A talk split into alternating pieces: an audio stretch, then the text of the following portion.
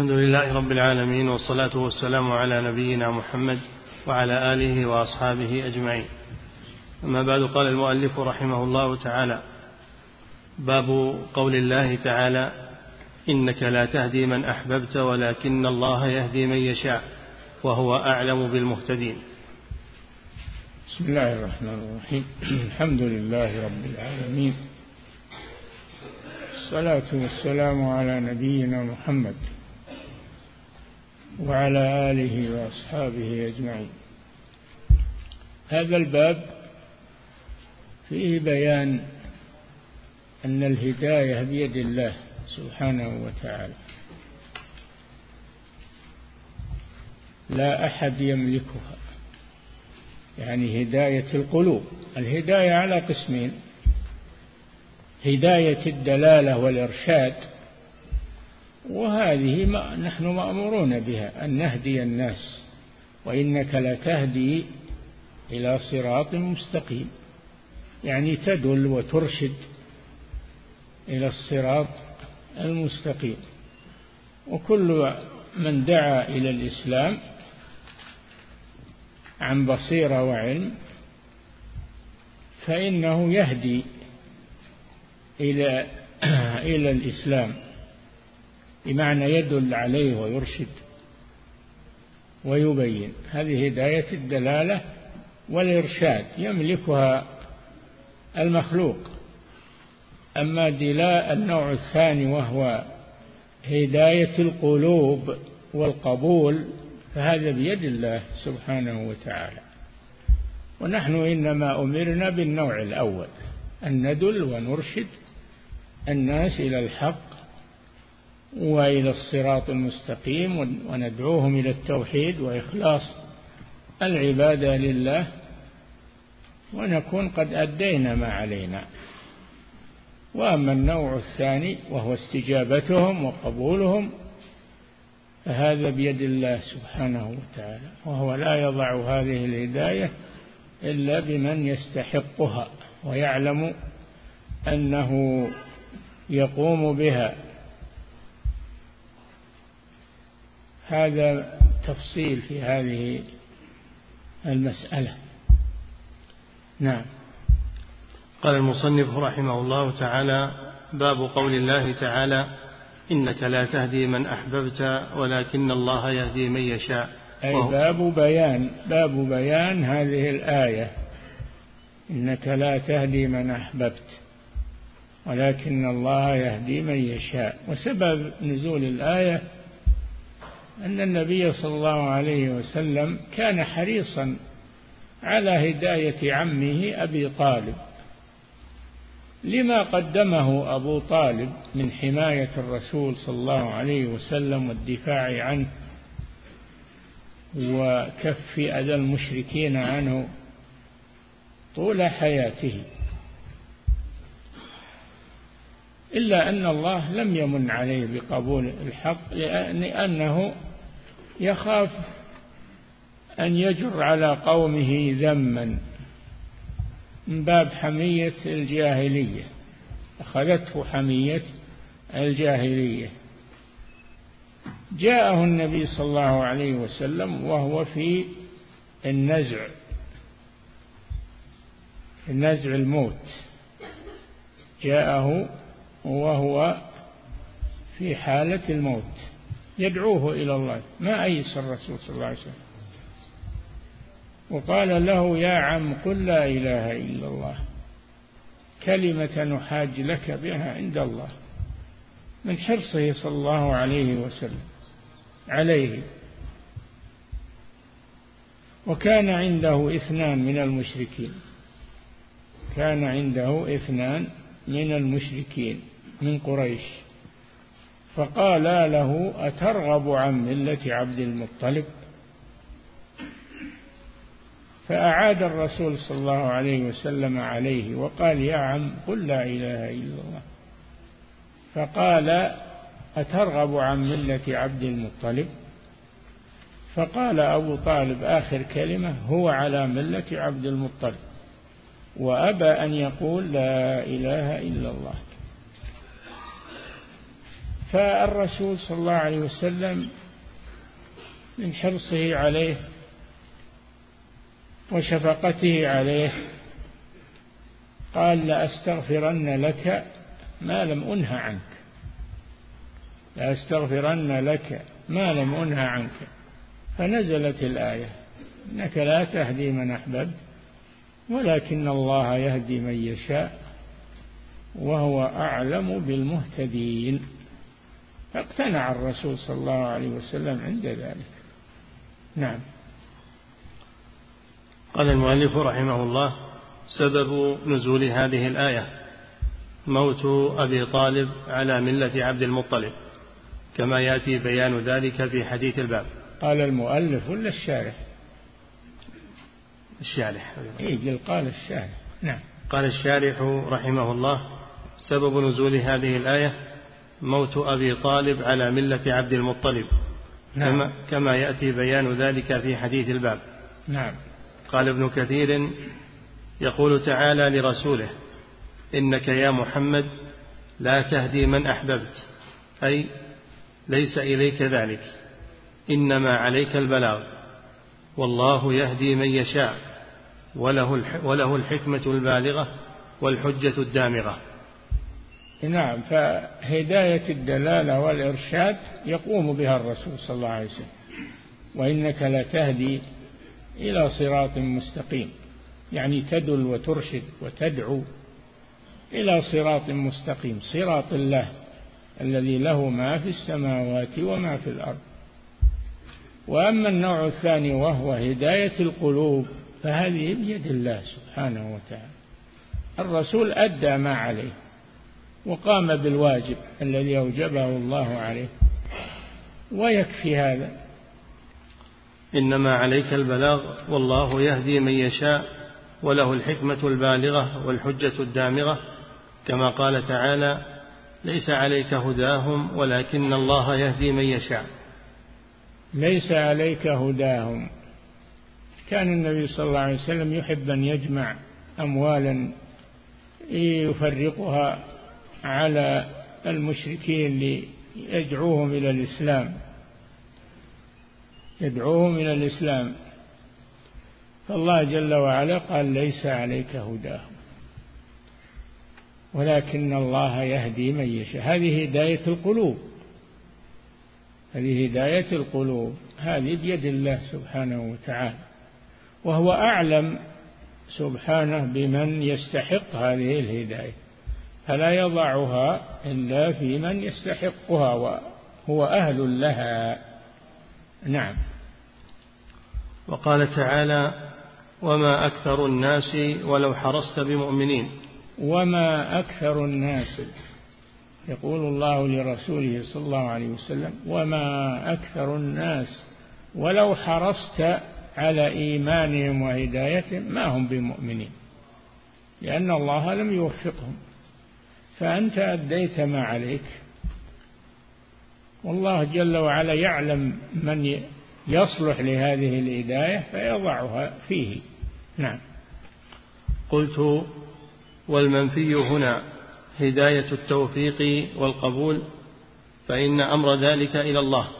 قلت يعني الشارح هذا النوع الثاني من الهداية وهو هداية القلوب والقبول. هذا من الله سبحانه. لا هذا ليس إلينا. نحن ما كلفنا بهذا. ما كلفنا بالنوع الأول وهو الدلالة والإرشاد والدعوة إلى الله سبحانه وتعالى. نعم. قلت والمنفي هنا هداية التوفيق والقبول؟ المنفي المنفي بقوله إنك لا تهدي من أحببت. نعم. والمنفي هنا هداية التوفيق والقبول فإن أمر ذلك إلى الله. وهو القادر عليه. نعم. وأما الهداية المذكورة في قول الله تعالى وإنك لتهدي إلى صراط مستقيم فإنها هداية الدلالة والبيان. فإذا قيل لك الله جل وعلا في آية أثبت الهداية للرسول صلى الله عليه وسلم فقال وإنك لتهدي إلى صراط مستقيم. وفي آية نفاها عنه بقوله تعالى إنك لا تهدي من أحببت. فما الجمع بينهما؟ تقول المنفية هي هداية القلوب وهداية التوفيق هذه بيد الله. والهداية المثبتة للرسول هي هداية الدلالة والإرشاد. نعم. وأما الهداية المذكورة في قول الله تعالى وإنك لتهدي إلى صراط مستقيم فإنها هداية الدلالة والبيان فهو المبين عن الله والدال على دينه على دينه وشرعه. نعم. قال المصنف رحمه الله تعالى في الصحيح عن ابن المسيب عن أبيه قال عن, عن ابن المسيب يعني سعيد ابن المسيب. نعم.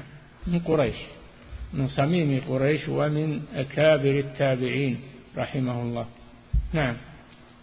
قال المصنف رحمه الله في الصحيح عن ابن المسيب عن أبيه قال لما عن أبيه المسيب نعم. قال لما حضرت أبا طالب الوفاة. جاءه رسول الله صلى الله عليه وسلم وعنده عبد الله ابن أبي أمية وأبو جهل. هذا مشرك من المشركين. وأبو جهل اثنان من المشركين نعم. حضرة سيئة نعم. فقال له يا عم قل لا إله إلا الله كلمة أحاج لك بها عند الله. حاج. كلمة أحاج لك بها عند الله. فقال فقال له أترغب عن ملة عبد المطلب؟ قال له الكافران المشركان. نعم. أترغب عن ملة عبد المطلب؟ فأعاد عليه النبي عبد المطلب هو أبو أبي طالب. أبو أبو عبد المطلب ابن هاشم هذا أبو أبي طالب. نعم. فأعاد عليه النبي صلى الله عليه وسلم. فأعاد. فكان آخر ما قال. أعاد عليه الرسول قل لا إله إلا الله كلمة أحاج لك بها عند الله. فأعاد الرجلان قولهما أترغب عن ملة عبد المطلب. فأخذته الحمية الجاهلية فقال هو على ملة أبي هو على ملة عبد المطلب. ومات على ذلك والعياذ بالله. وكان في في حال صحته يقول في شعره ولقد علمت بأن دين محمد من خير أديان البرية دينا. لولا الملامة شوف الجاهلية لولا الملامة أو حذار مسبة لرأيتني سمحا بذاك مبينا. يخاف على قومه أنهم يذمون وأنهم نعم. فكان آخر ما قال هو على ملة عبد المطلب. نعم. وأبى أن يقول لا إله إلا الله.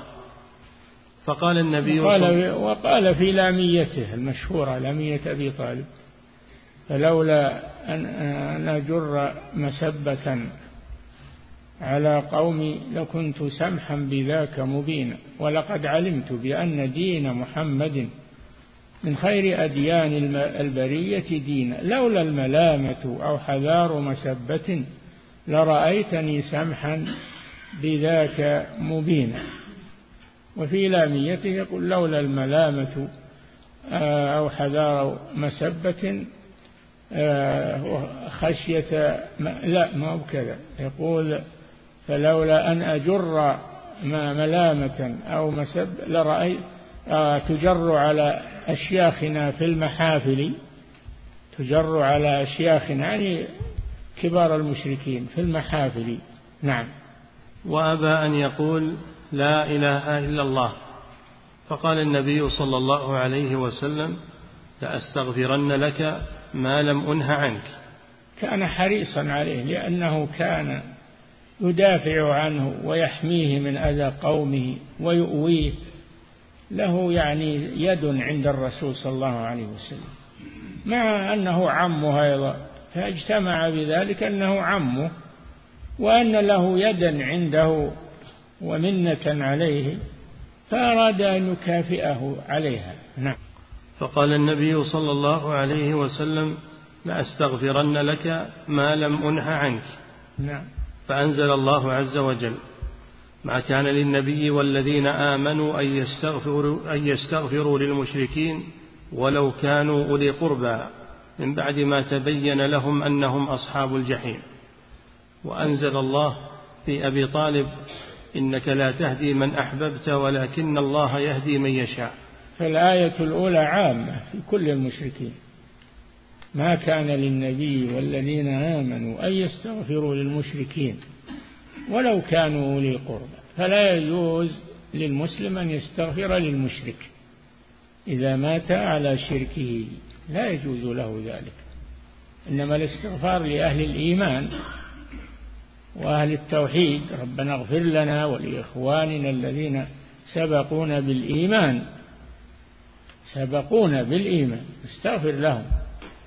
وأما الكفار فلا نستغفر لهم. ولو كانوا أقارب لنا لو كانوا أقارب. لا تجد قوما يؤمنون بالله واليوم الآخر يوادون من حاد الله ورسوله ولو كانوا آباءهم أو أبناءهم أو إخوانهم. أو عشيرتهم نعم. قال الشارح رحمه الله قوله في الصحيح أي في الصحيحين.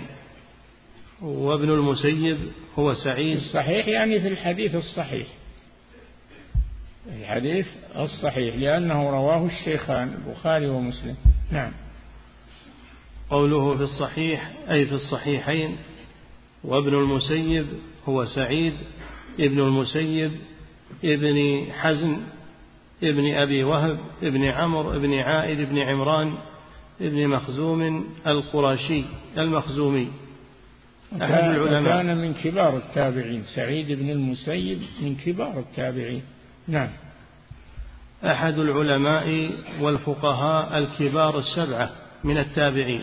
نعم. اتفق أهل الحديث على أن مراسيله أصح المراسيل. يقولون مراسيل ابن المسيب من أصح المراسيل لأنه يرسل عن أبي هريرة. نعم. وقال ابن المديني لا أعلم في التابعين أوسع علما منه. نعم. مات بعد التسعين وقد ناهز الثمانين. وأبوه المسيب صحابي. بقي نعم. إلى خلافة عثمان رضي الله عنه. هو وأبوه صحابيان. نعم. وكذا جده حزن. نعم. صحابي هو هو تابعي ابن المسيب تابعي وأبوه صحابي. نعم. وكذا جده حزن صحابي استشهد باليمامة. نعم. قوله لما حضرت أبا طالب الوفاة أي علاماتها ومقدماتها. نعم. قوله جاءه رسول الله صلى الله عليه وسلم يحتمل أن يكون المسيب حضر مع الاثنين فإنهما من بني مخزوم وهو أيضا مخزومي. نعم. وكان الثلاثة إذ ذاك كفارا فقتل نعم. أبو جهل على كفره وأسلم الآخران. نعم. قوله يا عم منادى مضاف يجوز فيه إثبات الياء وحذفها. يا عم أو يا عمي بإثبات الياء. جائزا. نعم. يجوز فيه إثبات الياء وحذفها حذفت الياء هنا وبقيت الكسرة دليلا عليها. حذفت الياء تخفيفا وبقيت الكسرة يا عمي عمي بكسر الميم دليلا على الياء المحذوفة. نعم.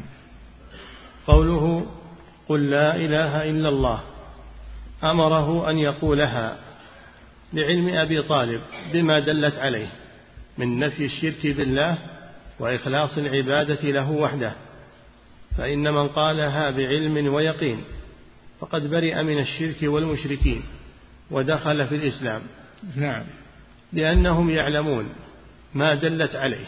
لأنهم عرب فصحى يعلمون معنى لا إله إلا الله وما دلت عليه. ولهذا لما قال لهم النبي صلى الله عليه وسلم قولوا لا إله إلا الله تفلحوا. قالوا أجعل الآلهة إلها واحدا إن هذا لشيء عجاب. نعم. فهم فهموا أن أن من قال لا إله إلا الله فإنه حصر الألوهية في الله سبحانه وتعالى. وعباد القبور لا يتنبهون لهذا. يقولون لا إله إلا الله بآلاف المرات وهم يقولون يا علي يا حسين يا عبد القادر يا ما يفهمون معنى لا إله إلا الله وما تدل عليه. يحسبونها كلمة تقال باللسان فقط. فإن من قالها بعلم ويقين فقد برئ من الشرك والمشركين ودخل في الإسلام لأنهم يعلمون ما دلت عليه وفي ذلك الوقت لم يكن بمكة إلا مسلم أو كافر. فلا نعم يقول ما فيها منافقون. النفاق إنما كان في المدينة لما قوي الإسلام. وكان هناك قوم خافوا على أنفسهم خافوا على أنفسهم وعلى أموالهم وهم لا يحبون الإسلام. أظهروا الإسلام تقية فأسلموا في الظاهر وهؤلاء هم المنافقون.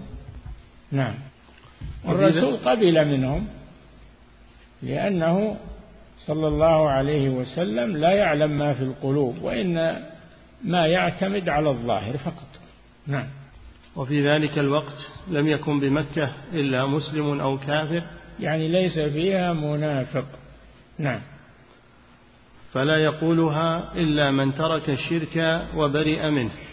نعم. ولما هاجر النبي صلى الله عليه وسلم وأصحابه إلى المدينة كان فيها المسلمون الموحدون والمنافقون الذين يقولونها بألسنتهم وهم يعرفون معناها لكن لا يعتقدونه. نعم.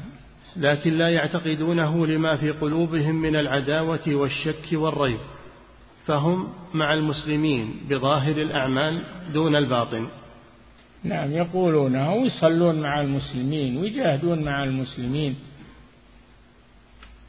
لأجل أن يعيشوا مع المسلمين فقط. اتخذوها تقية. نعم. والرسول صلى الله عليه وسلم ليس له إلا الظاهر. أما ما في القلوب فهو إلى الله يقبل منهم. نعم. وفيها اليهود وقد أقرهم رسول الله صلى الله عليه وسلم لما هاجر نعم. ووادعهم بأن لا يخونوه ولا يظاهروا عليه عدوا كما هو مذكور في كتب في كتب الحديث والسير. نعم في المدينة المنافقون من بني قينقاع وبنو النضير وبنو قريظة ثلاث قبائل من اليهود مستوطنون من الأصل. مستوطنون من الأصل. الرسول أبقاهم فيها وعقد معهم العهد. عقد معهم العهد. نعم.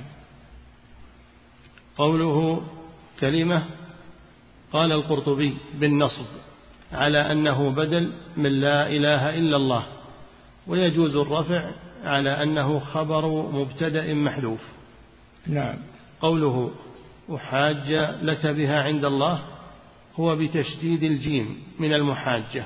نعم. وفيه دليل على أن الأعمال بالخواتيم. أي نعم. فلو قالها فلو قالها معتقدا لمعناها لمات على الإسلام لأنه ختم له بذلك الأعمال بالخواتيم. نعم. فلو أسلم الكافر ثم قتل أو مات ولم يتمكن من العمل فهو مسلم. نعم. وفيه دليل على أن الأعمال بالخواتيم لأنه لو قالها في تلك الحال معتقدا ما دلت عليه مطابقة مطابقة من النفي والإثبات معتقدا ما دلت عليه مطابقة من النفي والإثبات لنفعته. نعم. النفي لا إله والإثبات إلا الله. نفت الألوهية عما سوى الله وأثبتتها لله سبحانه. هذه كلمة الإخلاص كلمة التوحيد كلمة التقوى العروة الوثقى هي لا إله إلا الله. نعم. قوله فقال له أترغب عن ملة عبد المطلب؟ ذكراه الحجة الملعونة نعم. التي يحتج بها المشركون على المرسلين كقول فرعون لموسى فما بال القرون الأولى. وقوله تعالى وكذلك ما أرسلنا من قبلك في قرية من نذير إلا قال مترفوها إنا وجدنا آباءنا على أمة. على قدوة على أمة يعني على قدوة لآبائهم الذين مضوا من المشركين. نعم. وإنا على آثارهم مهتدون. نسأل الله العافية. نعم. إلا قال مترفوها إنا وجدنا آباءنا على أمة. وإنا على آثارهم مقتدون. نعم. قوله فأعاد عليه النبي صلى الله عليه وسلم. فأعاد. من حرصه صلى الله عليه وسلم أعاد عليه لعله. فأعاد المشركان عليه. أترغب عن ملة عبد المطلب. شوف يعرفون أنه لو قالها لتبرأ من دين عبد المطلب. نعم. فأعاد عليه النبي صلى الله عليه وسلم فأعاد فيه معرفتهما بمعنى لا إله إلا الله لأنهما عرفا أن أبا طالب لو قالها لتبرأ من ملة عبد المطلب فإن نعم.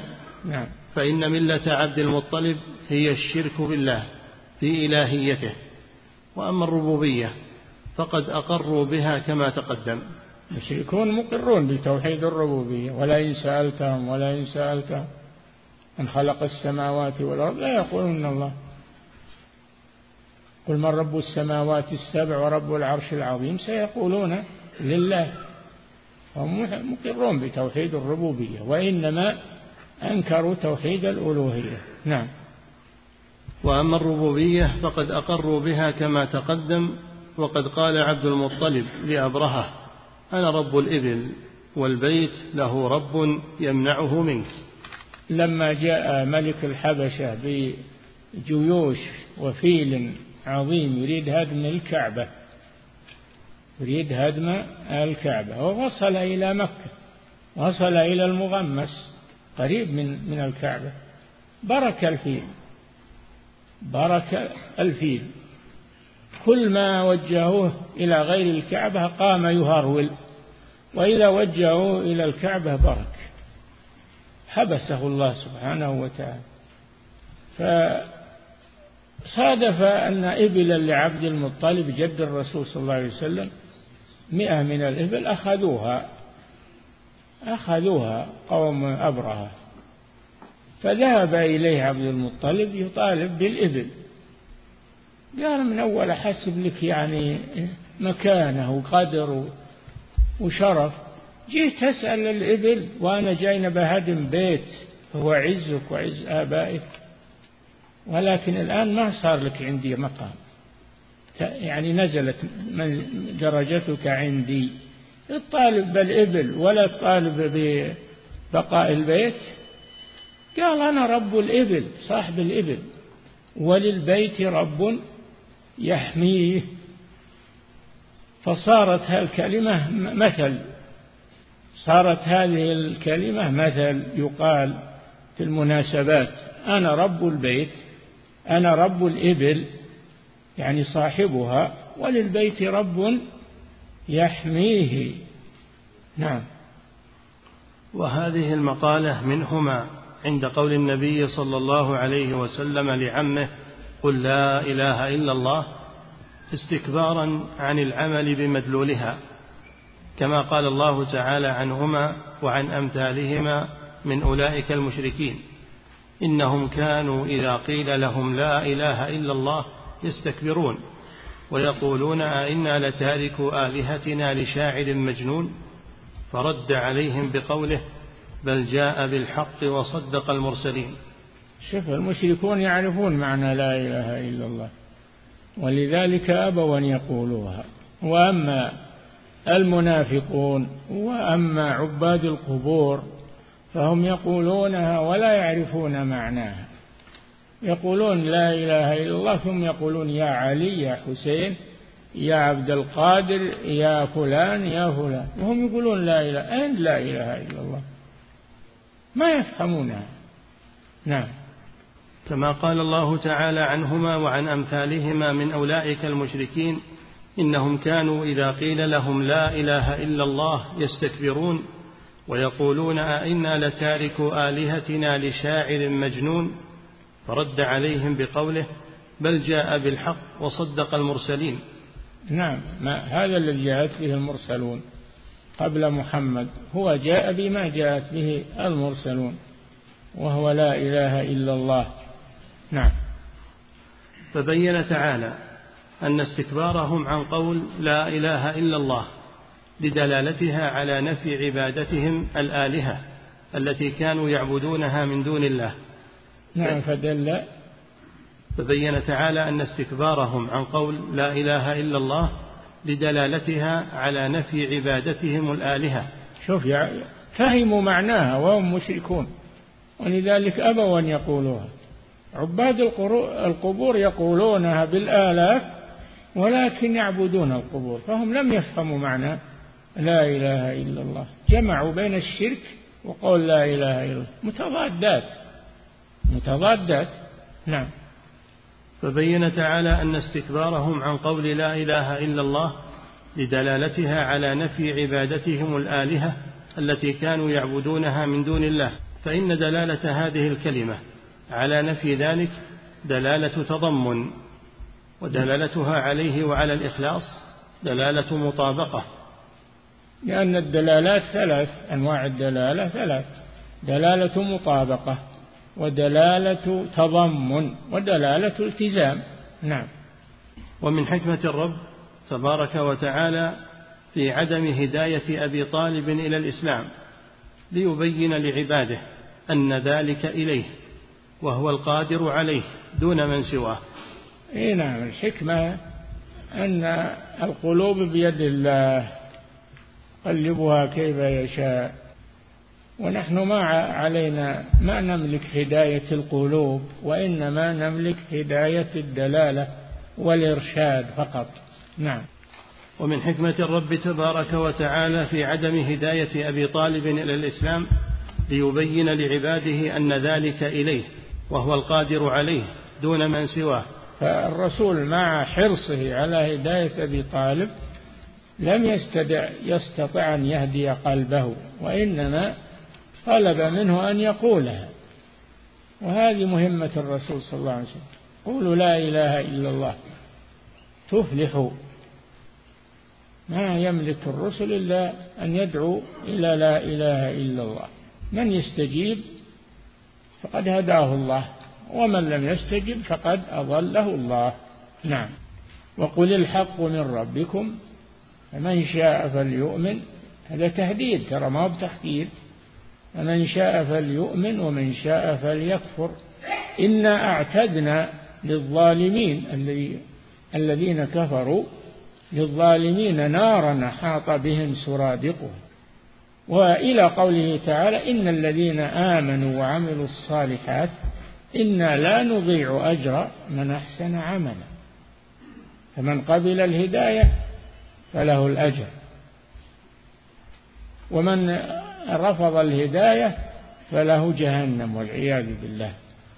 بعض الناس خصوصا الصحفيين والجهال بعض الصحفيين والجهال يقولون الله خير بين الكفر والإيمان. الله خير. حرية العقيدة يقولون. يقول ما هو بهذا تخيير هذا تهديد. ولذلك جاء بعدها إنا أعتدنا للظالمين الذين لم يقبلوا الإسلام نارا أحاط بهم سرادقها وإن يستغيثوا يغاثوا بماء كالمهل يشوي الوجوه بئس الشراب وساءت مرتفقا إن الذين آمنوا وعملوا الصالحات إنا لا نضيع أجر من أحسن عملا. فالله بين جزاء الفريقين. ما خير وإنما هذا من باب التهديد. نعم. ومن حكمة الرب تبارك وتعالى في عدم هداية أبي طالب إلى الإسلام ليبين لعباده أن ذلك إليه وهو القادر عليه دون من سواه. فلو كان عند النبي صلى الله عليه وسلم الذي هو أفضل خلقه من هداية القلوب وتفريج الكروب ومغفرة الذنوب والنجاة من العذاب ونحو ذلك شيء لكان أحق الناس بذلك وأولاهم به عمه الذي كان يحوطه ويحميه وينصره ويؤويه. ومع هذا لم يملك له الرسول صلى الله عليه وسلم الهداية. هداية القلب لأنها بيد الله والله حكيم عليم. لا يضع الهداية إلا في من يستحقها ولكن الله يهدي من يشاء وهو أعلم بالمهتدين. نعم. فسبحان من بهرت حكمته العقول وأرشد العباد إلى ما يدلهم على معرفته وتوحيده وإخلاص العمل له وتجريده. نعم. قوله فكان آخر ما قال. الأحسن فيه الرفع على أنه اسم كان. وجمل نعم. وجملة هو وما بعدها الخبر. قوله هو على ملة عبد المطلب. الظاهر أن أبا طالب قال أنا. فغيره الراوي استقباحا لللفظ المذكور. يعني ظاهر السياق أن أنه قال أنا على ملة عبد المطلب لكن الراوي كره. أن يقول أنا فقال هو بدل أنا. هذا من الراوي كراهية لأن يقول أنا فيفهم أن أن هذا ينصرف إلى المتكلم وهو يحكي عن أبي طالب. نعم. قوله هو على ملة عبد المطلب الظاهر أن أبا طالب قال أنا.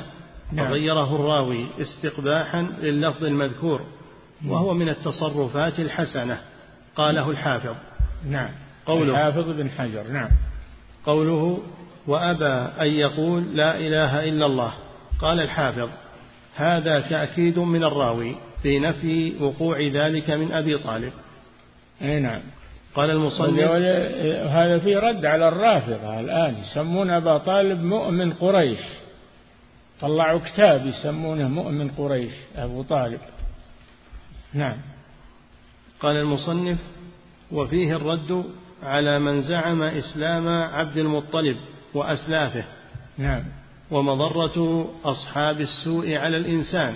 فيه مضرة أصحاب لأن لولا هؤلاء الحضرة من المشركين عند أبي طالب وهو يحتضر لتقبل من الرسول صلى الله عليه وسلم. نعم. ومضرة أصحاب السوء على الإنسان ومضرة تعظيم الأسلاف. إي نعم ومضرة تعظيم الأسلاف إذا كانوا على غير هدى. نحن ما نعظمهم ما نعظم المشركين ولا الكفار. ولو كانوا من قبيلتنا ومن آبائنا وأجل ما نعظمهم. نعم. ومضرة تعظيم الأسلاف أي إذا زاد على المشروع بحيث تجعل أقوالهم حجة يرجع نعم. إليها عند التنازع. نعم. قوله فقال النبي صلى الله عليه وسلم لأستغفرن لك ما لم أنه عنك. حرص النبي صلى الله عليه وسلم على أبي طالب في حياته وبعد موته ردا للمعروف وردا للجميل الذي كان من أبي طالب على رسول الله صلى الله عليه وسلم وصلة الرحم أيضا لأنه عمه نعم. لأستغفرن لك ما لم أنه عنك. قال النووي وفيه جواز الحلف من غير استحلاف وكأن الحلف هنا للتأكيد. لا أستغفرن لك لأن اللام موطئة للقسم لقسم محذوف. تقديره والله لا أستغفرن لك. نعم. وكأن الحلف هنا لتأكيد العزم على الاستغفار تطييبا لنفس أبي طالب. نعم. وكانت وفاة أبي طالب بمكة قبل الهجرة بقليل.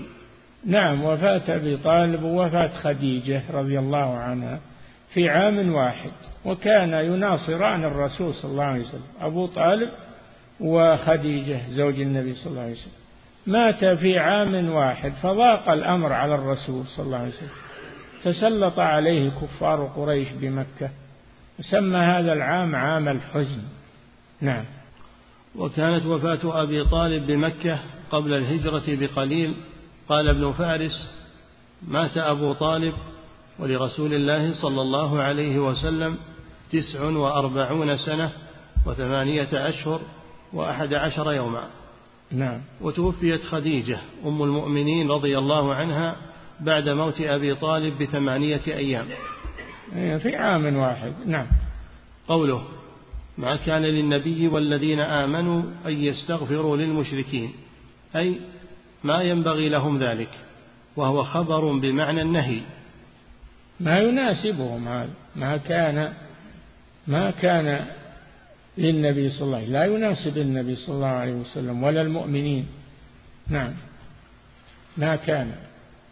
ما كان للنبي والذين آمنوا أن يستغفروا للمشركين أي ما ينبغي لهم ذلك. نعم ولا يجوز. نعم. وهو خبر بمعنى النهي.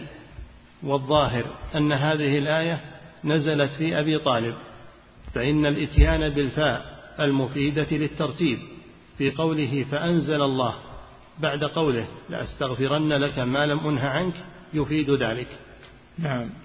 وقد ذكر العلماء لنزول هذه الآية أسبابا أخر فلا منافاة لأن أسباب النزول قد تتعدد. هذا سبب من أسبابها وقد يتعدد سبب النزول. قد تنزل الآية لأسباب كثيرة. لا مانع من ذلك. قال الحافظ أما نزول الآية الثانية فواضح في قصة أبي طالب نعم. وأما نزول الآية التي قبلها ففيه نظر. قال قال الحافظ حافظ بن حجر يعني. نعم. أما نزول الآية الثانية فواضح في قصة أبي طالب نعم. وأما نزول الآية التي قبلها ففيه نظر. نعم. ويظهر أن المراد أن الآية المتعلقة بالاستغفار نزلت بعد أبي طالب بمدة وهي عامة في حقه وحق غيره. يستغفرون للمشركين أبي طالب وغيره. نعم. لا تجد قوما يؤمنون بالله واليوم الآخر يوادون من حاد الله ورسوله ولو كانوا آباءهم أو أبناءهم أو إخوانهم أو عشيرتهم. البراءة من المشركين واجبة. ولو كانوا أقارب. ويظهر ولو أن كان والدين تبرأ من دينهما لكن يبر بهما معروفا. معروفا يعني مقابلة معروفهما في الحياة حيث سير عليه وتعب عليه فيكافئهما بالبر مع تبريه من دينهما. نعم.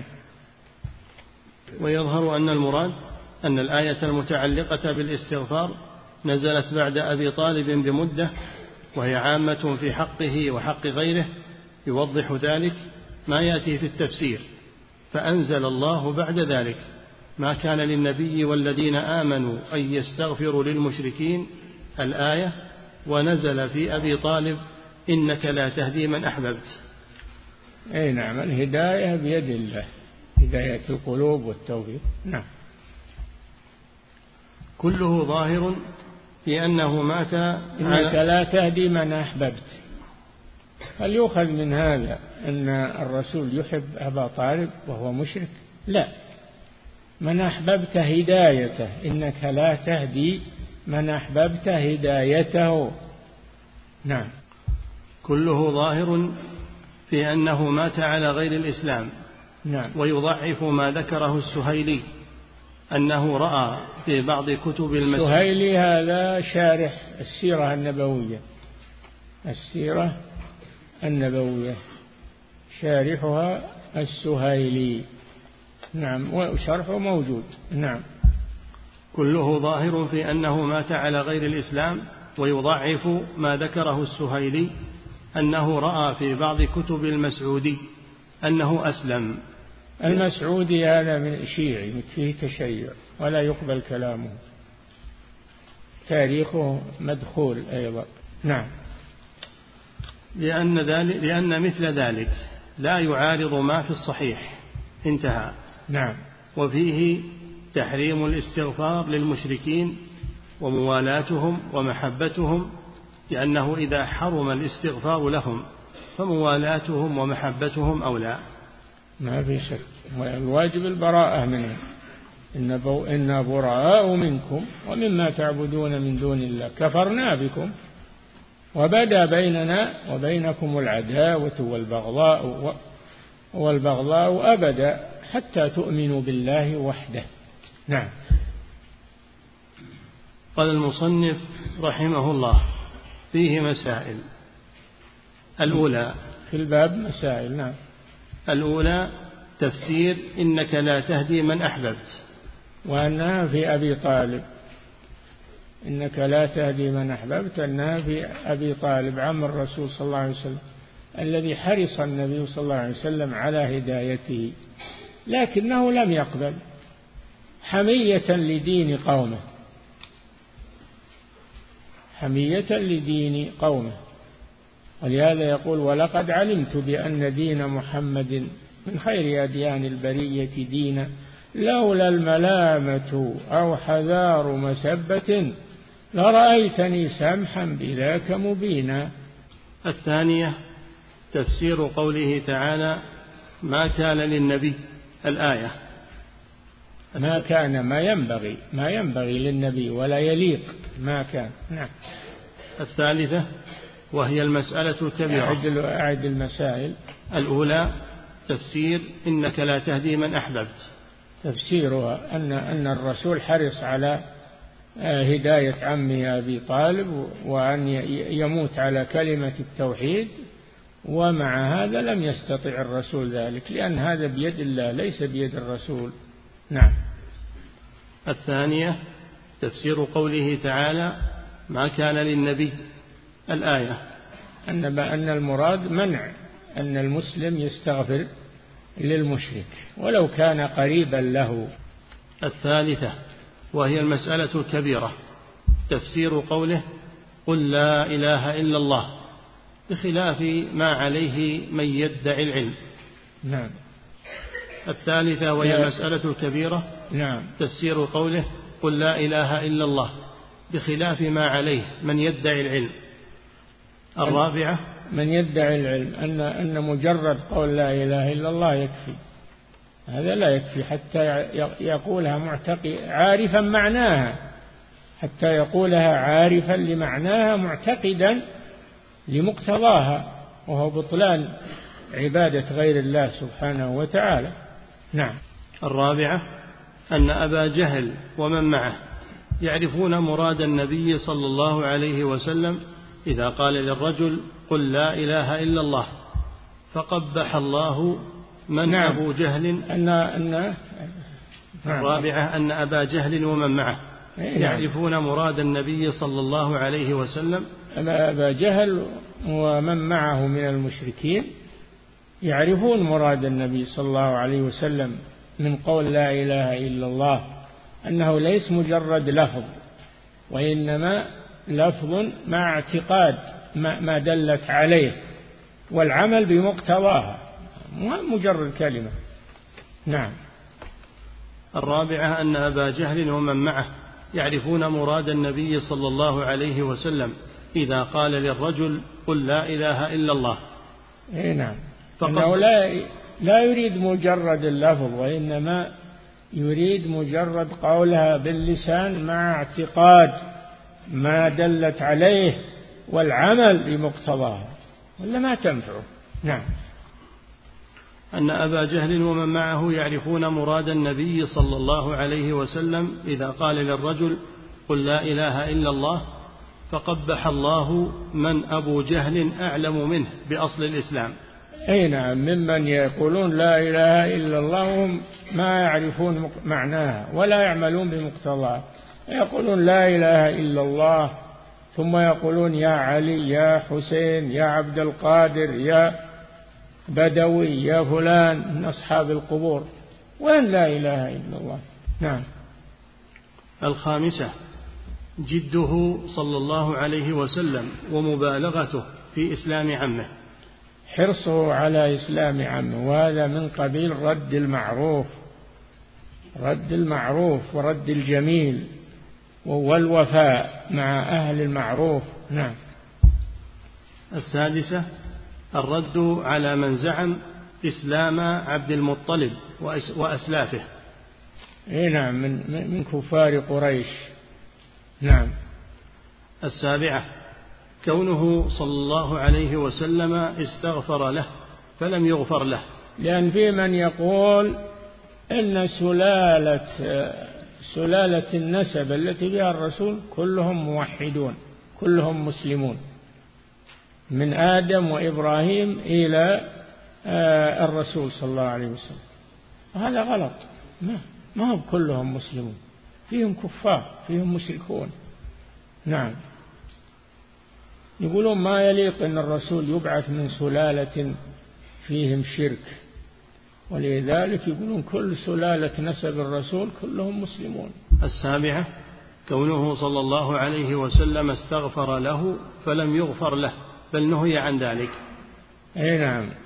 كونه صلى الله عليه وسلم لا استغفرن لك ما لم أنهى ما لم أنهى عنك.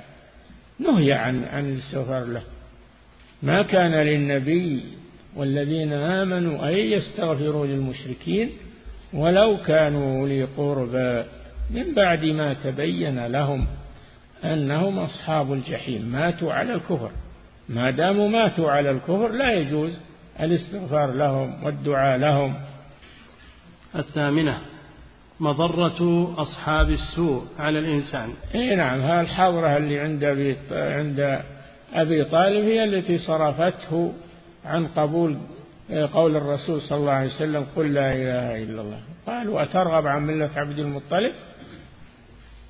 كرروا عليه فقال هو على ملة عبد المطلب. بسبب هذه الحضرة القبيحة من أبي جهل ومن معه. نعم. التاسعة مضرة تعظيم الأسلاف والأكابر. أي نعم إذا كانوا على غير دين الإسلام فلا يجوز تعظيمهم. ولا يجوز تعظيم الكفار. العاشرة الشبهة للمبطلين في ذلك لاستدلال أبي جهل بذلك. نعم. العاشرة الشبهة للمبطلين في ذلك لاستدلال أبي جهل بذلك. الشبهة للمبطلين في ذلك لاستدلال أبي جهل بذلك. استدلال أبي جهل بذلك. بذلك قوله على ملة عبد المطلب أنه متبع لأبيه عبد المطلب. الحادية عشرة الشاهد لكون الأعمال بالخواتيم لأنه لو قالها لنفعته. مع أنه عاش مشركا فلو قالها معتقدا لا لمات على التوحيد لأن الأعمال بالخواتيم. فلو أسلم الكافر ثم قتل في الحال أو أنه مات في الحال لكان من أهل الإسلام. ختم له بكلمة التوحيد لكنه لم يتمكن من العمل. ولهذا لما في بعض الغزوات لما لحق أسامة بن زيد رضي الله عنه واحدا من المشركين ليقتله ورفع عليه السيف. قال الرجل لا إله إلا الله. فقتله أسامة رضي الله عنه. وذكر ذلك للنبي صلى الله عليه وسلم فأنكر عليه. أقتلته بعدما قال لا إله إلا الله؟ قال يا رسول الله إنما قالها يتقي بها السيف. قال هل شققت عن قلبه؟ ماذا تفعل؟ بلا إله إلا الله إذا جاءت يوم القيامة. وما زال يكررها على أسامة رضي الله عنه حتى ندم أسامة أشد الندامة على ما فعل. نعم. الثانية عشرة التأمل في كبر هذه الشبهة في قلوب الضالين لأن في القصة أنهم لم يجادلوه إلا بها مع مبالغته صلى الله عليه وسلم وتكريره. فلأجل عظمتها ووضوحها عندهم اقتصروا عليها عد. الثانية عشرة التأمل في كبر هذه الشبهة في قلوب الضالين نعم. لأن في القصة أنهم لم يجادلوه إلا بها مع مبالغته صلى الله عليه وسلم وتكريره فلأجل عظمتها ووضوحها عندهم اقتصروا عليها تحتاج إلى تأمل نعم. قال المصنف رحمه الله. باب ما جاء أن سبب كفر بني آدم وتركهم دينهم. يكفي نقف عند هذا. نعم. هذه المسألة إن شاء الله ننظر فيها ونأتي بها بالدرس القادم. مسألة مهمة جدا. نعم. فضيلة الشيخ وفقكم الله في الحديث لما حضرت أبا طالب الوفاة. هل معنى ذلك أنه كان في الغرغرة؟ وهل تقبل التوبة حينئذ؟ ما كان في الغرغرة ولذلك كان يراجع الرسول صلى الله عليه وسلم هو في الغرغرة. يعني علامات الموت يقول لك في أول الشر لما نزل في أبي طالب يعني نزلت علامات الموت ومقدماته. نعم. فضيلة الشيخ وفقكم الله في قوله سبحانه إنك لا تهدي من أحببت. ما نوع محبة الرسول صلى الله عليه وسلم؟ من أحببت هداية ما هو من أحببت؟ يعني عمه وأبو أبا طالب. لا تهدي من أحببت يعني أحببت هدايته. نعم. فضيلة الشيخ وفقكم الله في قوله سبحانه وتعالى وأما ثمود فهديناهم. فاستحبوا العمى على الهدى. هديناهم يعني دللناهم وأرشدناهم فلم يقبلوا استحبوا آه، وأما ثمود فهديناهم يعني دللناهم وأرسلنا إليهم صالحا ودعاهم فاستحبوا العمى وهو الكفر على الهدى. نعم. فأخذتهم صاعقة العذاب الهون بما كانوا يكسبون. نعم. فضيلة الشيخ وفقكم الله. ما حكم من يقول إن أبا طالب يمكن أن يكون قد مات على الإسلام فلا يجوز لنا الجزم بأنه مات على الكفر. سبحان الله الكلام واضح بأنه مات على الكفر وأن الرسول قال لا أستغفرن لك ما لم أنه عنك فنهاه الله. وهل ينهاه الله عن الاستغفار لمسلم؟ من يقول هذا؟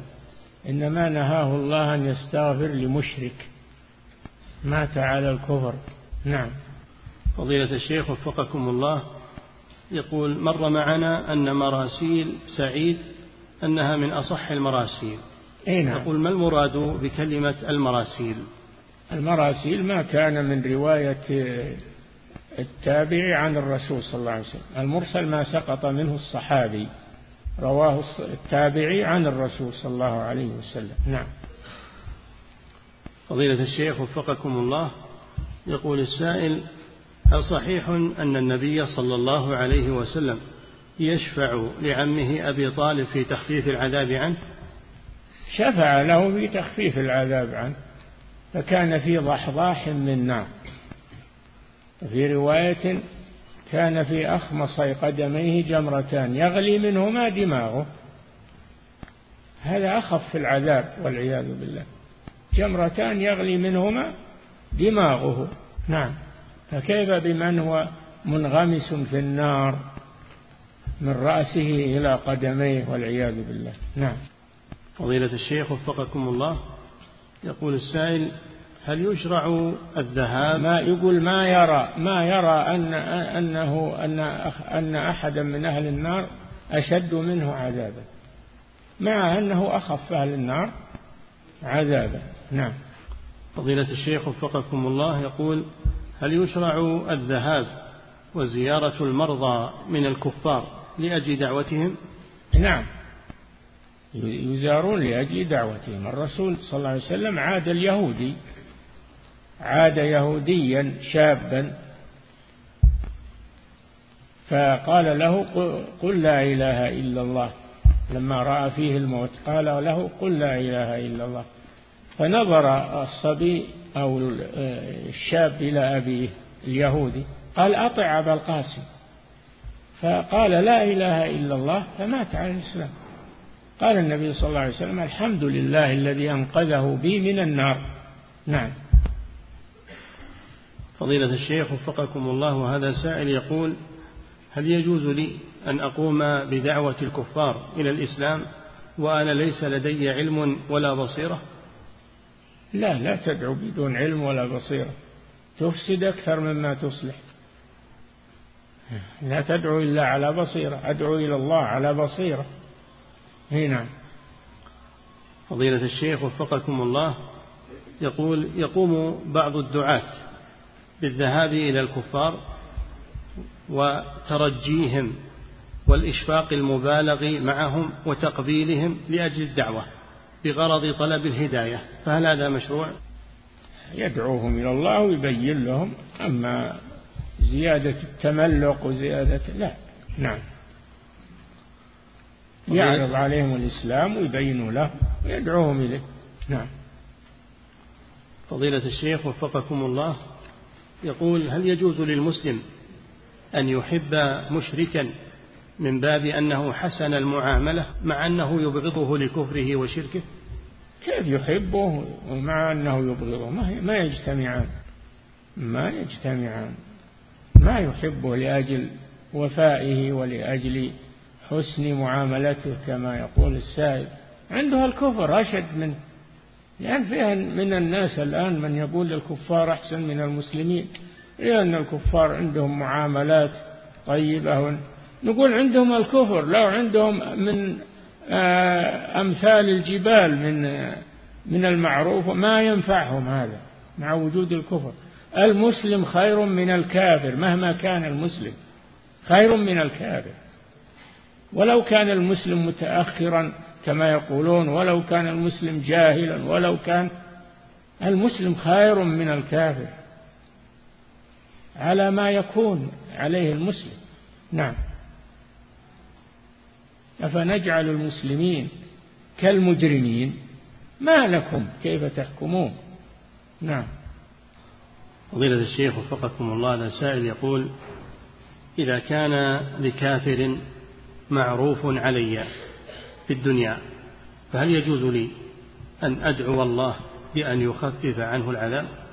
لا ادعو الله أن يهديه. ادعو الله أن يهديه إن كان حيا. أما إن كان ميتا فاتركه ولا تدعو له. نعم. فضيلة الشيخ وفقكم الله هذا السائل من خارج هذه البلاد يقول يقول إن خاله قد عاش في منطقة أكثر أهلها يعبدون القبور وعاش فيها لمدة ستين سنة. يقول لم أسمع خالي يتبرأ من عبادة القبور مرة قط ثم مات. هل يجوز لي أن أستغفر له؟ لا لا تستغفر له. نعم. فضيلة الشيخ وفقكم الله وهذا سائل أيضا يقول الذي لا يصلي ثم مات هل يجوز الاستغفار له؟ منين له الإسلام وهو لا يصلي؟ رأس الأمر الإسلام وعموده الصلاة. هنا بيت بلا عمود إذا ما هنا إسلام بلا صلاة؟ نعم.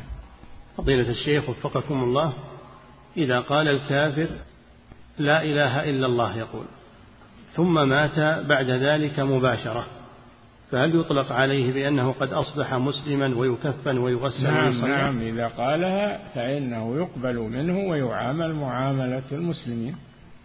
ولا نقول ما ندري ماذا في قلبه لأن هذا إلى الله سبحانه وتعالى. نحن نتعامل معه بالظاهر. نعم.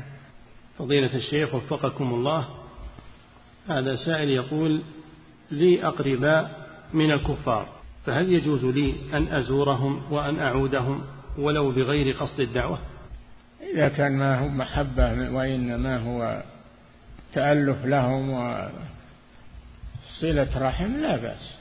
مع كراهة دينهم وما هم عليه. نعم. فضيلة الشيخ وفقكم الله يقول التسمية, التسمية بعام الحزن هل هذا من سب الدهر المنهي عنه؟ لا لا. مثل ما تقول هذا اليوم شديد البرد هل هذا من سبه؟ هو من سب من سب اليوم. الأيام يجري فيها الخير والشر. يذكر ما يجري فيها من جرى, عام جرى الحزن في هذا العام فسمي عام الحزن. نعم. فضيلة الشيخ وفقكم الله. وهذا السائل يقول يقول بعضهم يقول إنه لا بأس أن تحب الكافر محبة طبيعية كمحبة الزوج لزوجته الكافرة وكذلك محبته لقريبه. هل ما يقوله هذا خاص بالزوجة مع زوجها. ما تحب الكافر أبدا لا تحب الكافر. لكن تتعامل معه بالوفاء والصدق والمعاملة الطيبة لا بأس. ترد عليه المعروف إذا أحسن إليك ما يخالف. من باب المكافأة. نعم. فضيلة الشيخ وفقكم الله. هذا سائل يقول يسكن معي في الغرفة رجل كافر في غرفة واحدة. فهل يجوز لي مؤاكلته ومشاربته؟ يعني ضاقت الدنيا إلا هذه الغرفة. التمس سكنا إما مع غيره من المسلمين أو سكن منفرد لك ولا تبقى مع كافر في غرفة واحدة. نعم. فضيلة الشيخ وفقكم الله هذا سائل يقول ما حكم البحث والسؤال في مسألة مآل أبوي رسول الله صلى الله عليه وسلم؟ يا أخي ما كلفك الله بهذا. من يقول أن أبوي الرسول مسلمان؟ وآباؤه وأجداده إلى آدم لأنه من سلسلة موحدة. هذا كله مبالغة وكله ما, ما له أصل ولا دليل. فضيلة الشيخ وفقكم الله. وهذا سائل يقول صلى الله عليه وسلم مما يوضح لكم ذلك أن الرسول استأذن ربه أن يزور قبر أمه فأذن له. ثم استأذنه أن يستغفر لها فأبى عليه أن يستغفر لها. فبكى الرسول صلى الله عليه وسلم بكاء شديدا لأن الله منعه أن يستغفر لأمه. نعم. فضيلة الشيخ وفقكم الله هذا سائل يقول إن أباه لا يصلي وهو شارب للخمر ودائما ما يجاهر بسب الدين. سؤاله يقول كيف أتعامل مع أبي في هذه الحال؟ تعامل معه بالبراءة منه. إلا إن احتاج إليك فأحسن إليه وأنفق عليه إذا احتاج. وأما أنك توافقه أو تحبه على ما هو عليه من الكفر فلا تبرأ منه. نعم. فضيلة الشيخ وفقكم وما كان استغفار إبراهيم لأبيه عن موعدة إلا عن موعدة وعدها إياه فلما تبين له أنه عدو لله تبرأ منه. نعم. فضيلة الشيخ وفقكم الله. هذا سائل يقول عندي ابنة قد ماتت قبل أسبوعين وكانت تعاني من بعض المشاكل الصحية وقد راجعت بها المستشفيات ولكنها بعد ذلك قد ماتت. سؤاله هل يلحقني شيء إذا كان هناك تقصير مني في علاجها؟ وماذا أفعل؟ أنت ما قصرت. تقول أنك عالجتها وأنك راجعت بها المستشفى ولكن الله أراد لها الوفاة توفيت. الحمد لله اصبر واحتسب ويعوضك الله خيرا منها. نعم. فضيلة الشيخ وفقكم الله. يقول السائل إذا صمت الاثنين والخميس في كل أسبوع هل يجزئ هذا عن صيام ثلاثة أيام من كل شهر؟ لا هذا سنة ولا سنة؟ الاثنين والخميس من كل أسبوع ثلاثة أيام من كل شهر ما يجزي أحدهما عن الآخر. نعم. فضيلة الشيخ وفقكم الله هذا سائل من خارج هذه البلاد يقول في بلادنا أقارب لنا يشدون الرحال إلى قبور الأولياء ويفعلون بدعا شركية. قد ناصحناهم فلم يستجيبوا. سؤاله هل يجوز هجرهم وعدم السلام عليهم؟ اي نعم صاروا مشركين أبوا. بعد الدعوة أبوا فهم مشركون ومصرون على الشرك. تبرأوا منهم نعم. وإن احتاجوا إليكم فأحسنوا إليهم للقرابة فقط نعم. فضيلة الشيخ وفقكم الله يقول السائل هل يجوز الصلاة في المساجد الصوفية وتكون هذه الصلاة صلاة سرية لا جهرية؟ لا ما, ما. إذا كان عند الصوفية عندهم شركيات يعلنونها بالمسجد وإمامهم يعني يؤخذ عليه أنه عنده بدع شركية لا يصلى خلفه. ولا يصلى معهم. نعم. صلوا في مكان آخر. نعم.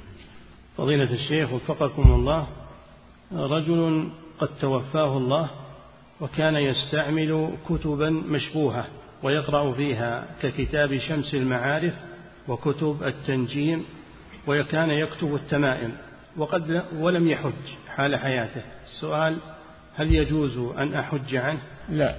لا تحج عنه. ما دام أنه يتعامل مع هذه الكتب لا تحج عنه. فضيلة الشيخ وفقكم الله يقول السائل إذا كتب الأب لأحد أبنائه كتب جزءا من أملاكه فهل يستحق الإبن ذلك الجزء بعد وفاة الوالد؟ هذه تعرض على المحكمة الشرعية تنظر فيها هذه الوصية. نعم. فضيلة الشيخ وفقكم الله يقول السائل قاعدة من لم يكفر الكافر أو شك في كفره. هذا من من النواقض ما هي بقاعدة هذا من نواقض الإسلام. نعم. يقول هل يمكن أن نطبقها على من لم يكفر أبا طالب؟ كل المشركين ما هم أبو طالب خاص. كل المشركين من لم يكفرهم فإنه كافر. نعم. فضيلة الشيخ وفقكم الله هذا سائل يقول هل يجوز قراءة القرآن ثم احتساب أجرها للميت؟ ما ورد هذا. لا دليل على ذلك. نعم.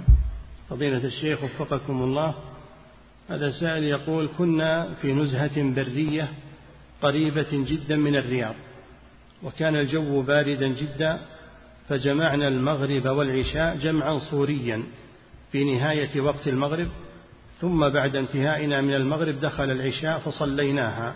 هل فعلنا هذا صحيح؟ لا بأس بذلك. نعم. فضيلة الشيخ وفقكم الله. يقول السائل هل الأفضل الدعاء بعد انتهاء المدرس من إلقاء الدرس أو الكلمات؟ كيف؟ هل الأفضل الختم بالدعاء بعد انتهاء المدرس أو المعلم من إلقاء درسه ومن الكلمات؟ الالتزام هذا خاوي يسري في الناس يصير سنة. ما ينبغي هذا. نعم. فضيلة الشيخ وفقكم الله هذا سائل يقول يقول هل يعتبر مطار الملك خالد الدولي هل يعتبر خارج الرياض؟ فيجوز إذا وصلت إليه أن أقصر الصلاة وأن أجمعها؟ أنت ما أعرف مني به. إن كان المطار داخل بنيان الرياض فلا يجوز لأنه صار جزء من البلد. لا يجوز الترخص فيه. أما إن كان خارج المباني منعزل عن المباني فإنه يعتبر آه، إذا خرجتم قبل آه، دخول الوقت يعتبر أنه خارج البلد يعتبرون مسافرين. أنتم فيه بداية السفر. نعم. خارج البلد خارج البنيان. نعم. فضيلة الشيخ وفقكم الله هذا سائل من خارج هذه البلاد يقول هناك أحد الأغنياء في بلدتي يتبرع بأموال كثيرة لمسجد البلدة. معروف مسجد, مسجد البلدة. نعم. معروف عن هذا الرجل أنه لا يزكي ويتعامل ويتعامل